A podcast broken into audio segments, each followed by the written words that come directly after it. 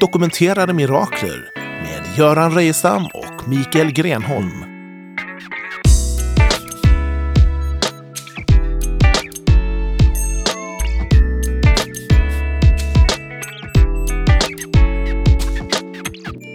Hej och välkommen till ännu ett avsnitt av Dokumenterade mirakler.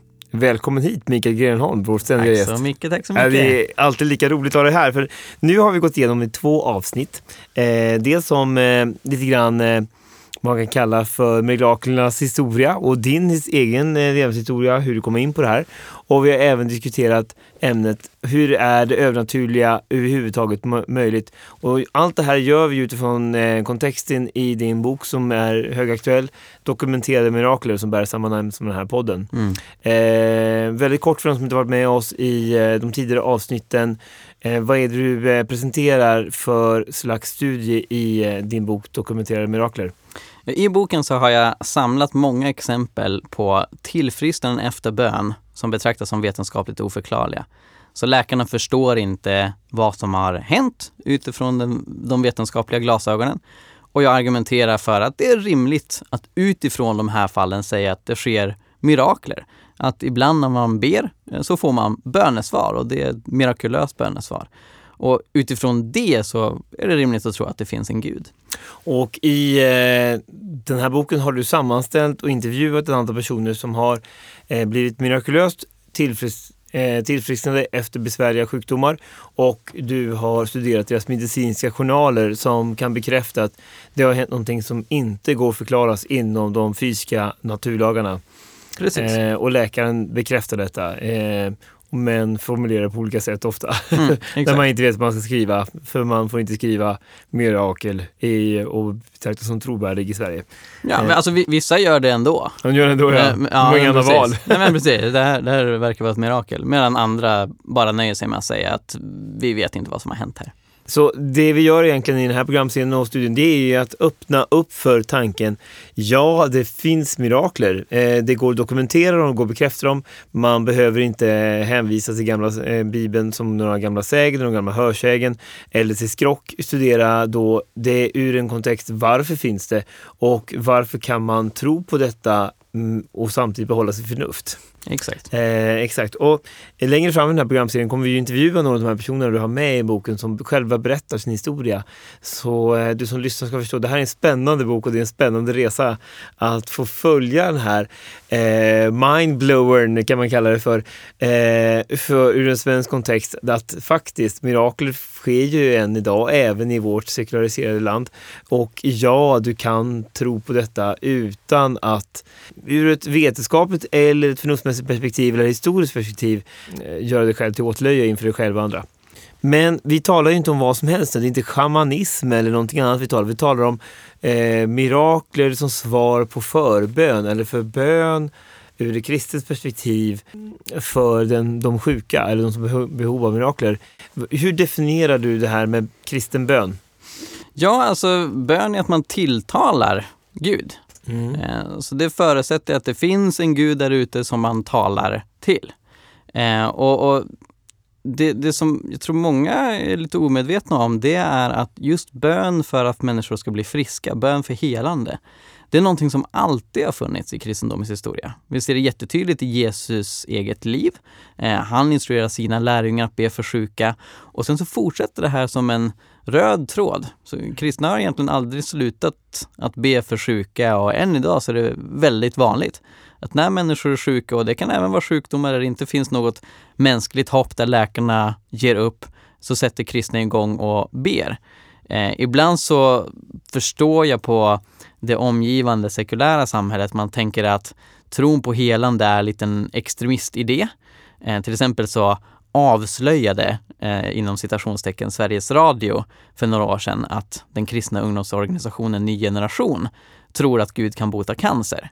Och det framställer de som ett tecken på att det här är någon slags sekt. Det här är så otroligt extremt. Men om man, om man tittar på kristna generellt i världen och historiskt så i princip alla håller med om att ja, det är klart Gud kan bota cancer, Gud kan uppväcka döda. Eh, Själva kärnan i den kristna tron är att Jesus uppstått från döden Ja. i en kristen kontext. i Sverige då jämför med det amerikanska eller eh, östasiatiska samhället, även de moderna samhällen i Sydkorea som är ett väldigt kristet land eller USA.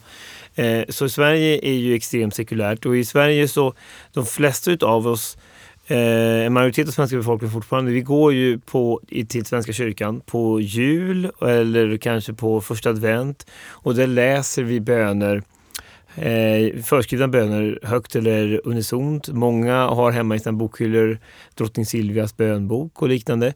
Och eh, jag själv då som är uppvuxen i kristet sammanhang fick eh, mm, en gång höra uttrycket av en pastor eller präst, eh, flummiga böner ger flummiga bönesvar. Vi ber ju oftast där för världsfred och för syndernas förlåtelse i allmänna kontext eller för att världsledarna ska ta hand om miljöproblemen och liknande. Så det går inte att verifiera detta. Eh, men därifrån då att tänka sig nu att nu sitter det någon som är cancersjuk framför mig, nu ska jag be att han faktiskt ska bli frisk fast det sägs att det är omöjligt. Det eh, är en hisnande tanke även för många då till och med kristna. Eh, om man ska gå till en präst i Svenska kyrkan så skulle han nog rygga tillbaka för det gissar jag. Eh, just för att eh, det, det hände då, om det någonsin har hänt. Eller också är det en, eh, en, eh, någonting som eh, man betraktar som en fabel ur Bibeln. Ja, nej men exakt, exakt. Eh, och det är lite lustigt det här, för på 1800-talet, eh, då var det några ateister som började uppmärksamma Borde vi inte studera om bön verkligen fungerar? Och de pekade på de här generella bönerna som, som eh, du beskriver. I anglikanska kyrkan eh, så bad man, åtminstone på 1800-talet, varje gudstjänst för kungafamiljen och bad för deras hälsa och välgång. Och då så resonerade en ateist att borde man då inte kunna se att den engelska kungafamiljen lever längre än alla andra? För de, de får ju då tusentals böner varje söndag. De borde ju leva hur länge som helst. Va? Så han undersökte hur, hur länge en, en genomsnittlig kungamedlem eh, levde och fann att så var det inte. De levde dessutom lite kortare för de tenderade att vara lite överviktiga och blev mördade ibland och sådär. Va? Så då, då, då kom man fram till att, att bön inte fungerar. Och det satte igång en ganska spännande utveckling där fler och fler försökte studera bön vetenskapligt på 1800-talet. Det kyrkan generellt sa, kyrkans representanter, det var det ska vi inte ägna oss åt. Eh, vetenskap och kristen tro lever i helt olika domäner. Och det här går tillbaka till det vi pratade om i första avsnittet, tanken att mirakler är ovetenskapliga. Det var någonting som även kyrkan tryckte på på 1800-talet. Eh, medan idag så är det mest någonting som kommer från ateistiskt håll, att ateister är emot att man studerar bön. Medan de flesta kristna idag har vant sig vid tanken eh, och tycker att det verkar rimligt att undersöka om bön kan ge någon slags effekt. Ja, och det är det du gör här för att eh, sanningen ska göra oss fria som det står. Du värjer inte för frågan att, att är det mirakler så kan man pröva det. Jag gissar till och med att du faktiskt ratat en del helanden och mirakler inför den här boken du skrivit för att de inte uppfyller kriterierna av att verifiera det. Nej men det stämmer, det stämmer. Eh, så jag satte upp eh, ett gäng olika kriterier eh, och, och, vissa fall har inte levt upp till det. Det är möjligt, det är teoretiskt möjligt att det också var ett mirakel, men jag har bestämt mig för att vara lite fyrkantig för att med säkerhet kunna säga att det här är ett tillfrisknande som är oförklarligt, som har skett efter bön. Och utifrån den plattformen så diskuterar jag sen om det är rimligt att tro att sådana exempel är genuina mirakler. Du talar om motreformationen, alltså det som hände efter hela den här upplysningstiden och allting så började katolska kyrkan eh, också ägna sig åt så här redan Eh, vi talar 1500-1600-tal va? Ja, det var till och med in, innan upplysningen. Mm. Och det här är jättespännande. Eh, det finns en historiker som menar, och det är lite kontroversiellt, men jag tror han har en poäng, att hela det här rationella vetenskapliga tänkandet kom från den katolska motreformationen. Mm. Varför då? Jo, för Luther och andra protestanter, de kritiserar katolska kyrkan för att eh, de använder sig av mycket myter och sägner. Eh, i, I filmen eh, Luther som handlar om, om Luthers liv, då fäller han någon kommentar om att man kan eh, samla ihop stora högar av alla små träflisor som sägs komma från korset. Han säger att 18 av de 12 apostlarna är begravda i Spanien och så vidare. Så, så och det fanns en, en hel del sånt. Va? Så en, en del av den protestantiska kritiken mot katolska kyrkan är att det är så mycket som ni säger som inte går att bevisa och verifiera. Så då kavlade katolikerna upp sina ärmar och sa okej, okay, då ska vi visa att eh, vi menar, eller att det finns grund för det vi säger. Eh, så en väldigt inflytelserik person hette Paolo Sacchia. Han var överläkare i kyrkostaten eh, under 1600-talet. Eh, och han la grunden för det som fortfarande används i katolska kyrkan när de ställer sig upp och säger här har det skett ett mirakulöst helande. Eh, därför att han satte upp ett gäng olika kriterier för vad som ska kunna räknas som ett helande.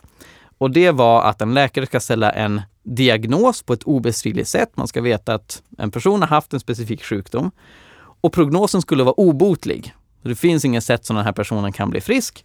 Men så blir personen frisk på ett omedelbart, fullständigt och permanent sätt. Och naturliga processer och vård ska inte kunna förklara det som har hänt. Tuffa kriterier. Väldigt tuffa kriterier. Eh, och det satte katolska kyrkan igång att använda i samband med alla helgonförklaringar. Eh, en helgonförklaring sker i två steg. Först så blir en person salig förklarad och då säger man att den här personen har levt ett bra kristet liv. Och sen efter det så kan man bli helgonförklarad. Och inför varje steg så krävs det ett mirakel, som oftast är helanden. Eh, så det finns en ateistisk läkare som heter Jacqueline Duffin. Hon for till Vatikanen och undersökte alla exempel på dokumenterade helanden från Vatikanens hemliga arkiv från 1500-talet till 1960. Eh, och hon skriver i, i sin bok Medical Miracles att hon häpnades av hur seriöst katolska kyrkan tar vetenskapen. De lyssnar verkligen in. Vad säger läkarna? Och så fort en läkare säger nej men det här finns en naturlig förklaring. Det, det var liksom det här som gjorde att personen blev frisk. Ja, då räknar man inte det som ett mirakel. Då stryker man det och så går man till nästa. Så det är en otroligt ordentlig process som de har haft igång i 500 år. Och som sagt, den, den väldigt eh, forensiska och vetenskapliga eh, sättet att titta på det här har förmodligen influerat hur vetenskapen sen växte fram i Europa. Jag bodde ett tag i östra USA, i nordöstra USA, kring, eh, i närheten av Boston och Harvard University och allt det här. Och man slås av i östra USA med tanke på en svensk kontext och diskussion om, om eh, kristna, religiösa friskolor och kristna skolor. Att eh, en del vill till och med förbjuda dessa. Men man slås av att eh, förvånansvärt många universitet i världen och framförallt i USA är grundade ur en kristen kontext. Eh, det finns en slags syn på att kristendomen är vetenskapsfientlig. Men det står ju Bert Trast med detta. Eh, skulle man förbjuda religiösa skolor i USA då skulle många universitet eh, eh, flyga ut genom fönstret. Ja, verkligen, eh, verkligen. Ledande universitet. Eh, så det är ju inget smart kriterium eh, kan man tycka då i den kontexten, men det är en parentes. Mm. vi kanske ska vara tydliga här också, vi talar om kristen förbön för helande. Idag så finns det ju många människor som är influerade. Vi har en annan podd här som vi kallar Mötet med New Age, där vi talar om lite grann eh, narcissistiska religionsutövningen som finns idag eh, där vi blandar vårt ateistiska tänkesätt med eh, självdiagnos och self-improvement program och blandar det med lite östasiatiskt tänkande och så gör vi det till en bön. Eh, vad menar du nu? Vad är din definition av den kristna bönen, att be till Gud? Ja, när jag pratar om bön, då handlar det om att tilltala en annan varelse, nämligen Gud, eh, som finns på riktigt och det är Gud som i respons till bönen gör någonting i mig. Så jag förstår inte bön som att man tilltalar kosmos eller liksom världsalltet eller att man tilltalar sig själv och liksom med inre processer får till en förändring i kroppen. Utan det jag menar det är att man talar till Gud, säger hej hej pappa, jag är sjuk, kan du göra mig frisk? Och så förväntar man sig och hoppas på att Gud griper in och gör någonting i mig som gör att jag blir frisk eller vad det nu kan vara som jag ber för. Och Jesus Kristus är väsentlig i detta sammanhang som förlösaren, eller hur? Vi, vi eh, ber ju inte som eh, Alltså som kristen så ber man inte som muslim eller som jude till Gud bara som ett väsen utan det finns en försoningsläran finns med i detta. Exakt, mm. exakt. Sen är det vissa som kontrar med Ja men Mikael, finns det inte dokumenterade mirakler inom andra sammanhang? Går det inte att säga att det sker övernaturliga saker inom till exempel nyandligheten? Och, och, mitt svar på det är att jag tror att det sker övernaturliga saker i andra sammanhang än de kristna. Eh, sen så tror jag inte att det är Gud som ligger bakom det. Jag tror att det finns fler andliga aktörer än Gud eh, som gör övernaturliga saker. Och jag tror ju att Gud är den man ska satsa på. Jag tror den heliga ande är den goda anden eh, som vi ska tilltala. Eh, men det gör mig inte stängd för att det kan ske övernaturliga saker utanför kristendomen och, och därmed så går det inte att motbevisa mitt projekt med dokumenterade mirakler som är fokuserade på ett kristet sammanhang genom att peka på att det finns liknande övernaturliga saker i ett annat sammanhang. Det är bara ytterligare belägg för att den ateistiska inställningen att inget övernaturligt existerar överhuvudtaget förmodligen har fel. Mm.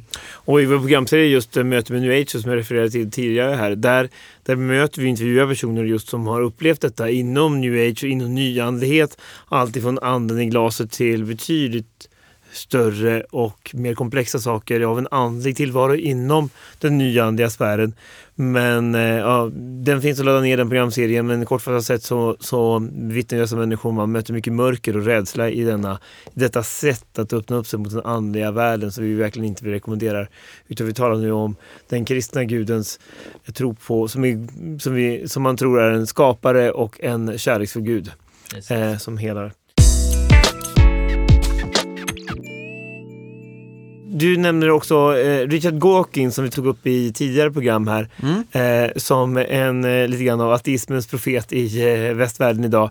Han eh, förnekar ju också bönens kraft ur sin kontext. Ja, i Illusionen om Gud Just det. så har han ett Bestseller. kapitel som heter Det stora böneexperimentet. Och där pekar han på en, studio som tog, äh, studie, en studie som togs fram av en läkare som heter Benson Eh, Eh, kom eh, i mitten av 2000-talet. Och den tittade just på, går det att se om bön har någon effekt? Eh, och det Benson och hans kollegor gjorde, det var att eh, de kollade på ett stort antal patienter, 1800. Och så delade de in dem i tre grupper. Så en grupp fick bön och de fick reda på att de fick bön för att deras hjärtoperation skulle gå bra. Eh, den andra gruppen fick bön men de visste inte att någon bad för dem. Och den tredje gruppen, den fick ingen bön. Det som den här studien visade var att de som fick bön och visste att de fick det, de gick det sämre för. Så, så de drabbades av mer komplikationer. Inte överdrivet mycket, men lite mer komplikationer än de andra grupperna.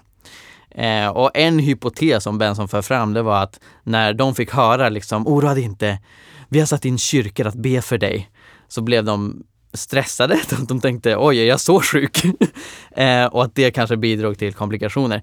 Men det Dawkins gör att han, han säger att nu vet vi att bön inte funkar. Nu vet vi att bön är verkningslös.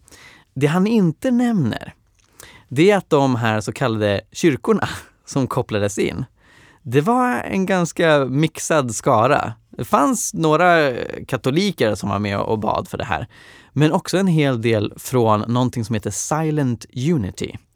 Och Silent Unity, det är en del av New Thought-rörelsen i USA som är väldigt new age-liknande. Eh, men de har kyrkor, de har pastorer, Eh, men deras förståelse av bön är inte den kristna förståelsen. Utan de talar just om att tilltala sig själv, söka sitt inre ljus. En ledande profil inom Silent Unity har skarpt gått emot idén att bön är att be någon gud utanför sig själv göra någonting. Eh, och det här mixas ihop i studien på ett ganska problematiskt sätt.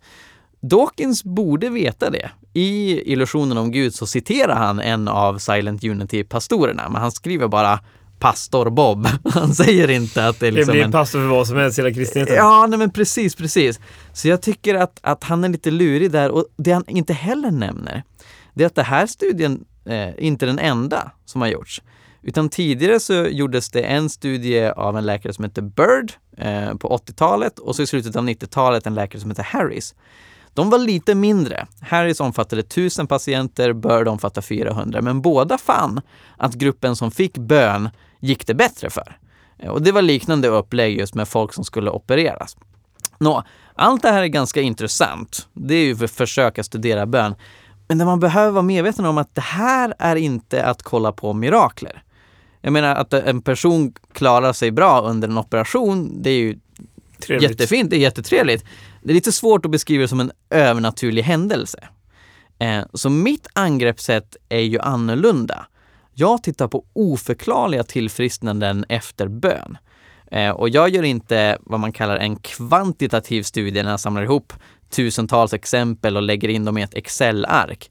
Utan jag tittar lite närmare på fall till fall och försöker hitta gemensamma trådar och diskuterar utifrån de här tillfrisknandena om det är rimligt att tro att det är mirakler. Och min slutsats är ju ja. Ja, och egentligen så om man ska tro på mirakler så krävs det egentligen mer än två eller tre eller tio max för att eh, antingen så finns det eller inte. Det är, kan man ju ställa som i jämförelse med vad som helst i livet egentligen. Om eh, Eh, mitt barn inte kan cykla, eh, ett litet barn inte kan cykla så är det inte bevisat att barn generellt inte kan cykla. Det visar bara att just det barnet inte kan cykla, det borde lära sig cykla. Eh, det är ju samma sak här gissar jag. Kvantitativa studier ger ju inte så mycket i det sammanhanget. Eh, och det är väl just det som har varit problemet tror jag även inom kristenheten. Att i rädsla för att testa om hur det här kontexten att tro och vetenskap inte ska hänga ihop. Testa att eh, får man bönesvar eller inte? Så ber man, en, så ber man inom kristenheten oftast generella böner, för då går de inte kontrolleras. Vi ber för världsfred och bättre miljö eh, och för kungen. Eh, och då kanske vi får lite bättre kung, lite bättre miljö och lite mer fred i världen. Men det är ju inte det din bok handlar om och som du tar upp då. Jesus Kristus är ju central i den kristna tron och enligt kristen teologi också central för att förlösa mirakler. Vad innebär detta? Ja, som jag nämnt tidigare så är Jesus väldigt mirakulös och det, det syns ju otroligt tydliga i, i Nya Testamentet. Eh, och han instruerar sina lärjungar att be i hans namn. Uh, och att göra, någon i, att göra något i någons namn på den här tiden, det var ju verkligen att ha deras välsignelse, att göra det i deras auktoritet. Ehm, så Jesus menar att i hans namn så finns det kraft att förlösa saker från Gud. Ehm, Jesus går också emot andra andliga krafter. Han konfronterar demoner och orena andar. Så Nya Testamentet är tydligt med att det finns övernaturlig kraft på andra ställen också. Men i Jesu namn så finns den heliga anden som är Guds goda ande eh, som kommer med fullständig kärlek och frid. Och den heliga ande har också större kraft gentemot de andra andarna. Så det är någonting som de tidiga eh, kristna och som de judar och andra som träffade Jesus imponerades av att Jesus har kraft över de orena andarna. Eh, och den kraften tror jag finns än idag. Ehm, jag har ju begränsad erfarenhet och jag finns ju i kristna sammanhang. Men när jag tittar på övernaturliga fenomen som tycks förekomma i andra sammanhang så tycker jag att det är inte så imponerande. Dels så finner jag större kraft hos Jesus, eh, men framförallt så finner jag en godhet och en kärlek som är väldigt stark. Jag pratar med en hel del som dels varit involverade i nyandlighet förut, även i animistiska religioner, i hinduism. Och det de generellt brukar säga är att ja, det fanns övernaturlig kraft där, men det var en bindande kraft som inte ville mig väl. Nu så har jag funnit godhet. Och då kan man tänka, ja men de har ju blivit kristna nu, det är väl klart att de tycker att kristendomen är bäst. Men när jag lyssnar på folk som har gått åt andra hållet, när jag lyssnar på före detta kristna som kanske har gått in i nyandligheten eller hinduism, då är det sällan som de pratar om åh, helig ande var så otroligt förtryckande och, och dum mot mig. Utan då är det andra saker de kanske klagar på. Hyckleri inom kyrkan, de kanske klagar på ja, saker de är besvikna över. Och kyrkan är ju inte perfekt, men det är ganska sällan som man liksom utmålar den heliga ande som ond eller den heliga ande som förtryckande. Och det, det tycker jag är viktigt att poängtera att hos Jesus eh, så finns det en stark andlig kraft och en väldigt god andlig kraft som är värd att utforska. Och det är väl det som är hela det kristna essensen i budskapet. Eh, Bibeln likställer eh, Gud med Fader som i himlen. Alltså det är hela, hela den kristna skapelsetanken är Gud skapade världen och oss människor av, för sin kärleks skull. Alltså han älskar oss, han vill oss väl. Exakt. Och det är ju den kontexten man ska se mirakler också. Eh, det är godheten, samma förhållande som, ett, som föräldrar har till sina barn, att man älskar dem och vill dem väl. Eh, du hänvisar till en annan studie också, Gen, eh, Candy Gunter Brown, som gjorde en studie på 1800-talet kring... Eh, Nej då, den är ny. alltså den är ny också? Ja, jajamän. Det här är, här är 2000-tal. Ja, och vad handlar den om? Eh, jo, Candy Gunther Brown, hon är författare till boken Testing Prayer, eh, som vi tidigare nämnt, som är utgiven på Harvard University Press. Mm. Eh, och hon eh, klagade på de här bönestudierna som redan hade gjorts. Eh, dels då för att till exempel Benson mixade kristendom och, och new thought. Eh, men sen så poängterar hon också att det finns något fel här, att man utgår från att en grupp får bön och en annan får det inte. Men hur garanterar du att någon inte får bön? I synnerhet i USA som är så pass religiöst land. Så även om personen själv kanske inte tror så har de förmodligen en farmor eller en kompis sådär, de flesta som, som, ber. som Framförallt ber om man har dem. cancer kanske Ja, men framtiden precis, precis, precis. Så hon tyckte det här var lite fel angreppssätt, utan det hon var intresserad av, det var ju det som jag också är intresserad av. Sker det oförklarliga saker när vi ber? Och det är en liten annan frågeställning än kommer folk klara sig marginellt bättre när de går igenom en operation när man ber? Så hon och några läkare for till Mosambik och de besökte en missionsorganisation som heter Iris Global som leds av ett par missionärer som är ganska eh, kända, eh, Heidi och Roland Baker.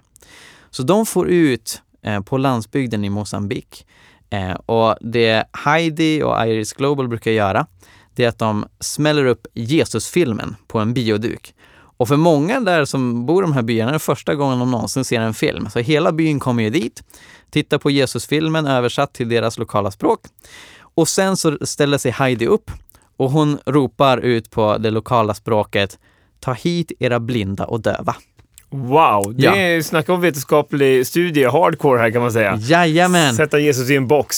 Ja, nej men så, så Candy och hennes eh, läkarkollegor, de stod redo. Så människor tog fram då syn och hörselnedsatta. Vissa liksom, eh, alltså det är ju sällan som man är 100% döv eller blind, utan det är ju en skala. Va? Men folk som hade problem att se och höra så att det var verkligen märkbart. Så det de gjorde då var att de undersökte deras syn och hörsel med standardiserade tester, som när man kollar synen hos optiker eller när, när man kollar hur bra man hör. Eh, och så gjorde de det både före och efter bön. Eh, och det de såg var några dramatiska resultat. Det här är Eh, ofattbart. Och vem, vem bad för dessa då, eh, personer då? Det var sådana som då hade tagits med i experimentet så att säga. Ja, alltså det var missionärer från den här organisationen Iris Global. Eh, Heidi älskar att, att be för döva och blinda. Men hon var inte de, den enda som var, utan det var också vanliga liksom, ungdomar och sådär. Eh, och, och de kunde se att Eh, det skedde dramatiska förbättringar. Vissa som var i princip helt blinda, som inte kunde räkna fingrar från 30 centimeters avstånd, kunde plötsligt se, identifiera saker och färger och sådär. Eh, och allt det här publicerades i en vetenskaplig, peer-reviewed eh, tidskrift som heter Southern Medical Journal. Wow, det här är intressant. Det, här, det, det gör ju att alla blir nyfikna på att läsa din bok för det här är, det är väldigt fascinerande. Det är ju att man, det är som man kan vetenskapligt eh, nästan verifiera eh, naturlagen Jesus Kristus. Ja men verkligen, verkligen. Ja. Och det här, det är den typ av bönestudier som jag tror mest på. Mm. Det kan vara intressant att kolla liksom hur, hur bra går det för folk när de opereras. Eh, men det som jag är främst intresserad av, det är när det sker saker som enligt naturvetenskapen inte kan ske. Till exempel att människor som är blinda plötsligt kan se efter bön. Fascinerande. Tack så hemskt mycket Mikael för eh, ännu en fascinerande eh, berättelse om din bok och eh, hela den här studien du har gjort. Nästa avsnitt så kommer vi gå in på det du kallar för VOTEB, vetenskapligt oförklarliga tillfrisknande efter bön och ta flera exempel från detta. Och sen kommer vi sedermera börja intervjua flera av de personer som finns med i din bok Dokumenterade mirakler.